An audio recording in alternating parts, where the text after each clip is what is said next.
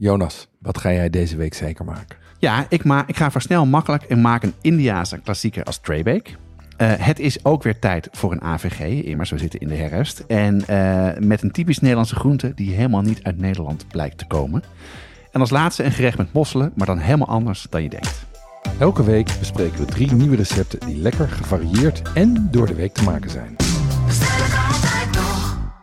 Ja, je hebt me heel nieuwsgierig gemaakt. Wat, uh, welke gerechten staan er op het menu? Ja, en we maken als eerste een daal met spinazie, verse kokos en limoen uit de oven. Het tweede gerecht is een stampot met andijvie en een bal gehakt. Heerlijk. En als laatste verwerken we de mosselen in een risotto. Je begint met een daal met spinazie, kokos en limoen. Prima. En toen uit de oven. Maar laten we eerst even beginnen bij uh, wat voor gerecht dat is. Ja, dat is dus een gerecht uh, wat je maakt met rode linzen. Uh, daar, uh, die, die, daar doe je een aantal specerijen bij, kurkuma en komijn. En daar doe je ook veel kokosmelk doorheen. Dus dat geeft een wat rijkere smaak. Uh, en het is fris vanwege de limoen. Het leuke is dat hier ook verse kokos doorheen gaat. Dat geeft er meer een crunch. En spinazie voeg je als groente toe. Dus het heeft de smaken van een daal, van een Indiase daal, maar het wordt bereid als een traybake. Je bereidt het dus als een overgerecht. Ja. Een daal. Zo ken ik het niet. Ja. Waar komt dit recept vandaan? We maken vaker uh, traybake gerechten van uh, Roekmini hier. En zij, het staat ook in het recept zelf, uh, in de inleiding zegt ze, dit is een recept wat gebaseerd is op de daal die mijn moeder altijd maakte. Uh, alleen ze verandert de, de hoofdingrediënt van de, de bonen die erin gebruiken voor rode linzen. Want die zijn Mhm. namelijk heel veel sneller klaar. Ja. Die hoef je niet zo lang, uh, lang te koken. Het heeft wel de smaken van een daal, maar het is het niet echt helemaal. Het is het niet echt helemaal. De Ja. daalpolitie zou dit afkeuren. Ja, zeker. Ja. zeker. Wa- wa- wat is een Indiase daal eigenlijk? Leg dat even uit. Ja, dat is een, een gerecht uh, dat duurt wat langer. Mhm. Hè, daarom begrijp ik wel de keuze voor de linzen in, deze, in dit traybake stuk. Het Mhm. is echt een ideaal gerecht om te maken. Een daal zelf is een soort soepachtig gerecht waar je pulvruchten voor gebruikt die ontvliest en gebroken zijn. Mhm. En daar komt ook de naam daal van. Dat in het San- Sanskriet is het een werkwoord breken, dat, heeft, dat lijkt op daal. Oké. Je kan het met heel veel soorten pulvruchten doen, met linzen, eh, met erwten of met bonen. Eh, en wat je doet in het begin is dat je die pulvruchten wat langer eh, kookt tot een soep of een brei. Uh-huh. Ze, wordt, ze lossen een beetje op. En dus een klassieke daal moet je veel langer koken en dus misschien eerder een dag van tevoren maken. Oké, laten we daar dan even naar kijken. Zo'n klassieke daal, hoe zou je die maken? Ja, wat je doet is, ehm, eh, je maakt dus eh, een soep van water. Daar doe je de peulvruchten in en doe je wat smaakmakers toe als zout en kurkuma. En zo, zo ver klopt dus het gerecht van, eh van Rookmini ook wel. Maar het verschil is dat je daar iets extra's aan toevoegt. En dat maakt in mijn ogen een daal helemaal te gek. Dat is namelijk een specerijenmengsel wat je bakt in olie. Dus je, Ja. dat is heel verschillend. Er zijn heel veel versies van. Maar denk aan echt de, de klassieke eh, specerijen uit India. Waar je ook een pepertje aan toevoegt. Soms Ja. ook tomaat aan toevoegt. Oké. Soms ook onrijpe mango aan toevoegt. Dus je Ja. probeert een beetje een balans te vinden tussen pittigheid, volheid van specerijsmaken. En soms ook, want de tomaten in de Indiase keuken zijn vaak wat onrijpere tomaten. Moeten Mhm. vaak wat zuurder zijn. Ja. En dat doe je als laatste door de soep heen. Dus je hebt die soep eigenlijk opstaan. Ja. En dat, dat staat gewoon op eh, te koken tot het klaar is. Ja. En dan kan je heel snel in een paar minuten een soort van, ja, een soort van olieversie maken. En die gooi je als laatste doorheen. Dat meng je goed. En dan knalt, eh, knalt die daal echt naar een ander niveau. Dus die laat je niet meetrekken, die gaat er als laatste doorheen. Ja, als laatste doorheen. En dan kan je zo pittig maken als je wil. Of zo minder pittig als je wil. Dus eh, dat is eigenlijk waar je zelf, eh, zelf de keuze in kan maken. En daar zijn dus heel erg veel verschillende regionale versies voor. Ja, en, en ik, ik ben wel eens eh, op menukaarten tegengekomen een, een tarka-daal of een, een, een, een chana-daal. Ja. Wat, wat zijn dat dan voor varianten? Nou, chana daal heeft heel erg te maken met wat voor soort pulvruchten je gebruikt. Uh-huh. Eh, chana betekent, eh chana daal zijn kikkererwten. Ja, Matar daal zijn splitterwten. En masoor daal zijn linzen. Dus als je dat op de kaart ziet staan of in een, in een, in een kookboek, dan, dan weet je dat. Mhm. En tarka staat eigenlijk voor wat ik net uitlegde. Dat is zo'n zo'n specerijenmengsel met olie wat je toevoegt. Eigenlijk de kernsmaakmaker eh, waar je de richting van het gerecht, eh, eh, kiest. Dat doet in dit traybake gerecht gebeurt dat ook wel. Dat Mhm. gebeurt een beetje in het begin. Maar ja, je zou misschien nog zelf zo'n tarka kunnen maken en dit basisrecept gebruiken en een beetje je eigen draai eraan geven. Dat kan nog best. Leuk. Ik, ik, ga dat, eh, eh, ik ga eerst dit recept even proberen om te kijken of de, de smaken in de smaak vallen. En misschien dat ik dan in het weekend wel een keer een eh, klassieke daal ga maken. Ja, het is ook echt een vega of zelfs vegan gerecht. Hè? Dus dat is ook mooi als je minder vlees wil eten.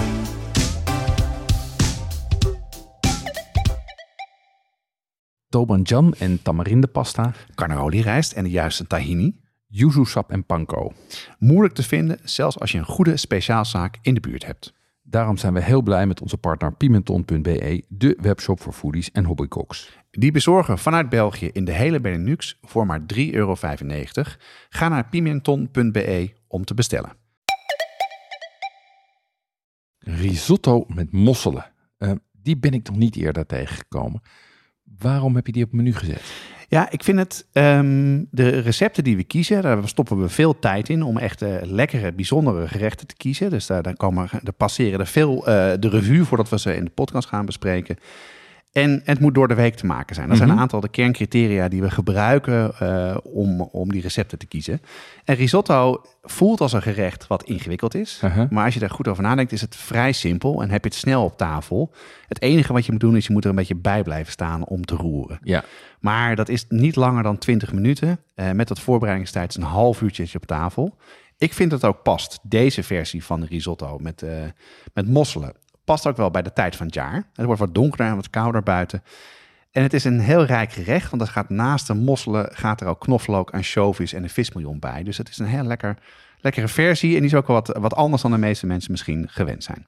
Ja, je zegt het al, het is, een, het is, een, het is comfort food. Het is natuurlijk ook zo dat de R weer in de maand zit. Dus ja? er zijn weer volop mosselen. Um, ik ben wel benieuwd hoe je die mosselen dan in die risotto krijgt. Ja, dat is maar. leuk. Hè? Want dat doe je op verschillende manieren. Uh, je gebruikt, als je de mosselen kookt, mm -hmm. gebruik je het kookvocht voor een gedeelte om je visbouillon mee uh, aan te lengen of te, ja. te, te, combineren. Dus je hebt een basisvisbouillon en dan komt dus dat kookvocht van die mosselen bij. Dus dat vind ik, vind ik leuk. Uh, daarna ga je de mosselen uit de schelp halen. En een gedeelte daarvan ga je helemaal fijn hakken apart leggen. En een andere mosselen hou je heel en die gebruik je als garnering. En, en zo heb je dus drie manieren om die mosselen in die risotto te gebruiken. Interessant. Dus ik begrijp dat, er, dat het op drie manieren erin gaat. Kan je me wel even stap voor stap dan meenemen door te zeggen? Want ik zie, het nog niet, ik zie nog niet waar die risotto dan in het verhaal ja, ja. komt. Nou, dus je begint met het maken van de mosselen, zoals je gewend bent. De vocht bewaar je en de mosselen haal je dus uit de schelp, zoals ik al zei. Uh -huh. Dan begin je met de risotto. Uh, daar is het heel belangrijk dat je die roostert in de pan. Maar roosteren is dus niet heel heet. Het moet juist een beetje lauw zijn. Dus ze moeten nooit te heet worden, want dan verbranden ze. Blus je af met witte wijn. Voer je de, uh, doe je de bouillon doorheen, uh, die je dus aangelengd hebt met het kookvocht van de mosselen. En dan roer je. En dat is uh, afhankelijk van het soort rijst een kwartiertje tot 20 minuten. Mm -hmm. Als de risotto bijna klaar is, dan ja. maak je hem eigenlijk af. want dan maak je ook een saus van de gehakte mosselen. Die voeg je toe aan knoflook, peterselie, anchovies en een beetje bouillon. Dus daar heb je dus die knaller van, van de smaakmaker van anchovies, het frissigheid van de peterselie en de knoflook. Dat is ook, heeft ook een bepaalde emulsie, want die anchovies lost op een gegeven moment op in ja. het bouillon. Uh, je moet opletten dat die mosselen niet, dat het niet te taai worden. Nee. Dus hou in de gaten dat je het niet te hard kookt, ja. maar vooral goed doorwarmt. Is de rijst klaar, voeg je het daar vlak voor het einde, voeg je het aan elkaar toe. Goed doorroeren, heel even laten staan. Opdienen met, uh, met verse mosselen en misschien nog wat peterselie erbij. Oké, okay. ik, ik sta aan het eind van een risotto, sta ik er altijd boter en kaas doorheen te roeren. Die mis ik hier. Ja, ja. maar goed. Uh, uh, kaas bij vis, van jou mag het ook niet. Nee, nee, nee. Van de Italianen zeker Prohibido. niet. Ja. Ja, ja. Dat is dus ook helemaal niet nodig. He, je voegt die, ka die kaas en die, en, die, en die boter toe aan, aan andere bereidingen van risotto om die binding te krijgen. Ja. Omdat het niet een soort los watergerecht wordt, maar dan een heel Morris ja, smeuigheid, smeuigheid ja. krijgt. Ja. He, dus wat ik zei, die saus is al gebonden. Uh, en wat je ook wil, je wil hier een bepaald eindresultaat. Dat heet in het Italiaans alonda. Okay. Als een golf. Ja. Dus hij mag ook wat natter zijn. Het is een natte risotto. Ja. Ja, ja. Dus eigenlijk in plaats van die boter en die kaas... gooi je hier die, die anchovies saus er doorheen. Ja. Slim. Um, waar ik altijd mee worstel met risotto's... is welke pan ik moet pakken. Want ik denk is... altijd, neem ik een steelpannetje. Dat is te klein. Neem ik een grote pan, die is te hoog. Wat... Ja. wat, wat wat raad jij aan? Nou, wat ik aanraad is dat je een speciale risottopan koopt. Zeker. Of een pastapan. Ja, ja, ja. ja Want die ja. heb je namelijk echt. Ja. Ik heb hetzelfde. Uh, ik zelf pak eigenlijk al meestal een lage uh, pan die wat breder is en een opstaande rand, maar een soort hapjespan. Vreselijk woord, maar ik snap wat ja, je bedoelt. Ja dus, ja. Dus, dus je hebt wat meer contact met de hitte. Dus de, de onderkant is breder, waardoor je ook makkelijker uh, het geheel kan roeren. Um, Ja, dat is eigenlijk wat je doet. Dus ik zou geen wok pakken, geen klein hoog pannetje, maar ja, misschien eh, een, uh, een crusette. Als je Ja, hebt bijvoorbeeld. ja, eh, ja, dat, is denk dingen. ik bij mij wat het dichtst in de buurt Ja. komt. Ehm, wat ik mij kan herinneren van eerdere risotto gerechten... is dat je verschillende soorten rijst hebt. Welke pak je hier? Ja, rijst is essentieel. Hier in het recept kan je twee typen rijst gebruiken. De arborio rijst of de Carnaroli risotto rijst. Carnaroli, dat levert een wat droger resultaat op. Hè, dat, dat zorgt, is wat smaakvoller en wat sneller klaar. Dus hoef je Mhm. minder lang te roeren. Arborio is echt de meest populaire risotto rijst. Ja. En die, geeft, eh, die laat veel zetmeel los. Daardoor wordt de saus wat romiger en moet je ook wat langer roeren. En de tip echt hier is, doe even je best om goede risotto rijst te vinden. Eh, dat maakt het recept echt zoveel lekkerder. En dat geldt Ja. voor alle, alle risotto's. Verschil van dag en nacht, hè? Ja, Enorm. super. Ik vind, ik vind het een heel leuk recept. Ik denk dat het ook heel goed is om restjes eh, eh, mosselen in te verwerken. Lijkt me een goed idee. Als ik die over heb van de, van de mosselen met friet, Ja. met, bewaar ik het kookvocht. Ga ik dat eens even proberen. Slim. Ja, leuk. Ehm, wat was je laatste gerecht ook weer? Ja, het laatste gerecht is eh, een stampot. Andijvie stampot met een bal gehakt. Oh, lekker. Ook weer in de herfst. Ik hou daar heel erg van. Ik hou heel erg van lekker een stampot met een pollepel, een, een kuiltje maken, veel jus erin, een bal erbij. Oh, het draagt me weg. Heerlijk. Lekker, lekker, lekker. En waarom kies je dan nu voor andijvie stampot? Ja, dat heeft twee redenen. Het is heel snel klaar. Mhm. Eh, en als jij gehaktballen een keer van tevoren hebt gemaakt, ik maak altijd meerdere eh, grotere porties. Ja. Ik vries het gewoon in, vaak ook in de jus. Dan is het gewoon een kwestie van ontdooien in een pannetje of even 's ochtends uit de vriezer halen. Mhm. Ehm, want het is, die andijvie, de- de- de- als je een goede andijvie hebt, is die bitter. Eh, het heeft rauw, dus het geeft knapperigheid en dat confronteert heel goed met een rijke aardappelpuree.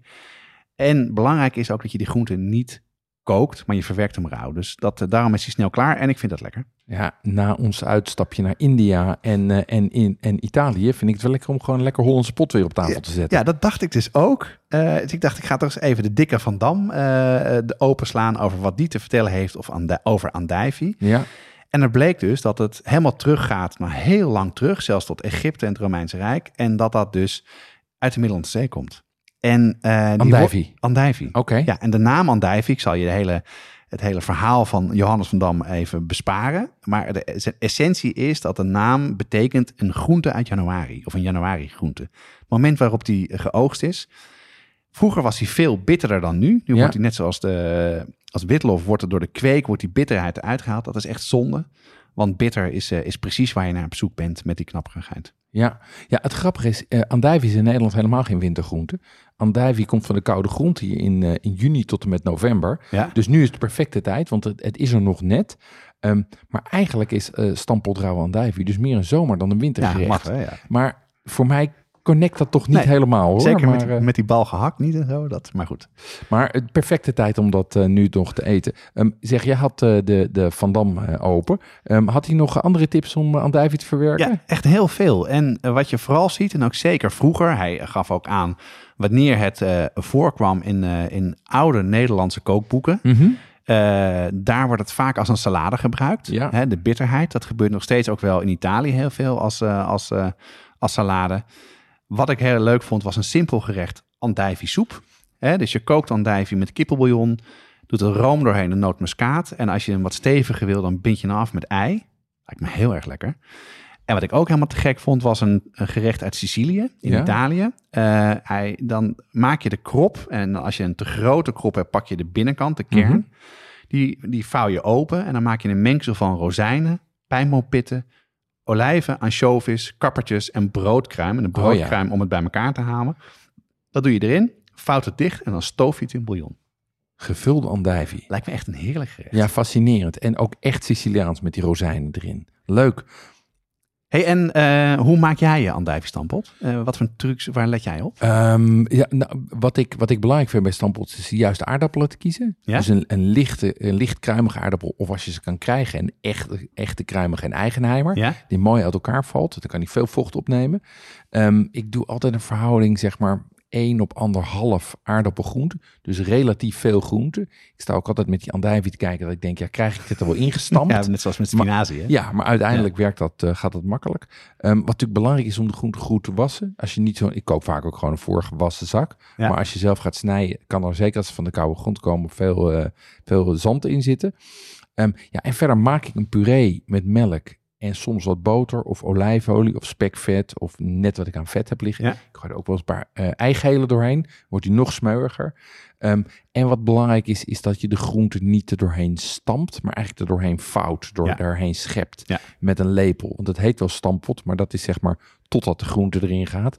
Want anders wordt het een natte, eh, eh, papperige bende. Ehm, want je wil dat het een beetje bite houdt en knapperig Ja, blijft. want het gevaar van, van stampen is dat het dan gaat kneuzen. Hè? En dat is eigenlijk precies wat je niet wil. Johannes van Dam zei ook, het gaat juist om het contrast tussen een hele zalvige aardappelpuree Ja. en, het, eh, en het bittere van de groente. Dus het is niet een stampot, maar meer een, meer een roer, roerpot.